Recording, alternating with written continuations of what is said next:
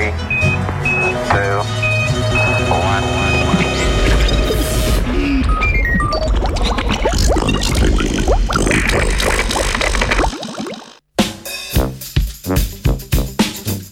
Kaj za zlomka gori?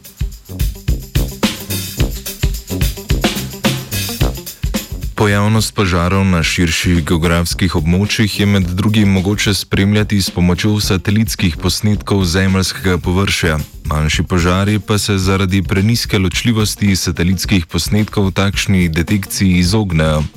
Raziskovalno skupino sta zanimali pojavnost manjših požarov in točnost dosedanjih ocen izpustov oglika. Svoje sledke pa je predstavila v reviji PNAS.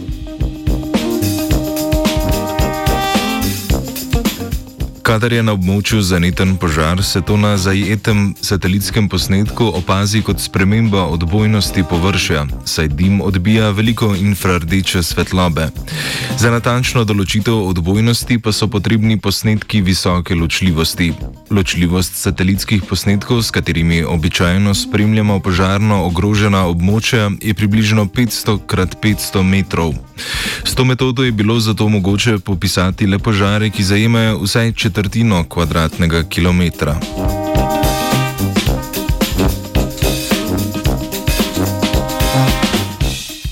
Raziskovalke in raziskovalci pa so v študiji uporabili posnetke iz baze Evropske vesoljske agencije, ki je uspela razviti tehnologijo zajemanja z ločljivostjo 20 x 20 metrov.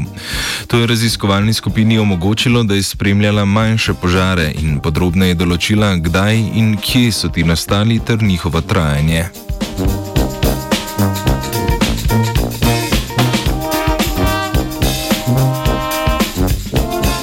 V raziskavi so tako s primerjavo stare tehnologije ocenili, da je v Afriki zaradi požarov prizadetih kar 80 odstotkov več površin, kot so predvidevali do sedaj. Prav tako manjši požari predstavljajo skoraj polovico vseh požarno prizadetih površin. Kako pa ti podatki spremenijo ocene o globalnih izpustih oglika v zrak? Po novih ocenah požari v Afriki doprinesejo kar 1,44 petagrama oglika, kar je vsaj 31 odstotkov več, kot so predvidevali.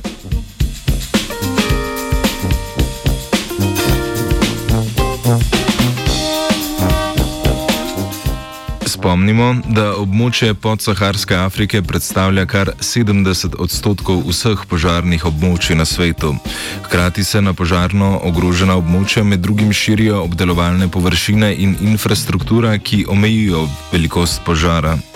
V zadnjih letih tako narašča število manjših požarov. Ti postajajo pomemben dejavnik pri ocenjevanju količine izpustov oglika v okolje in torej zahtevajo podrobnejše spremljanje.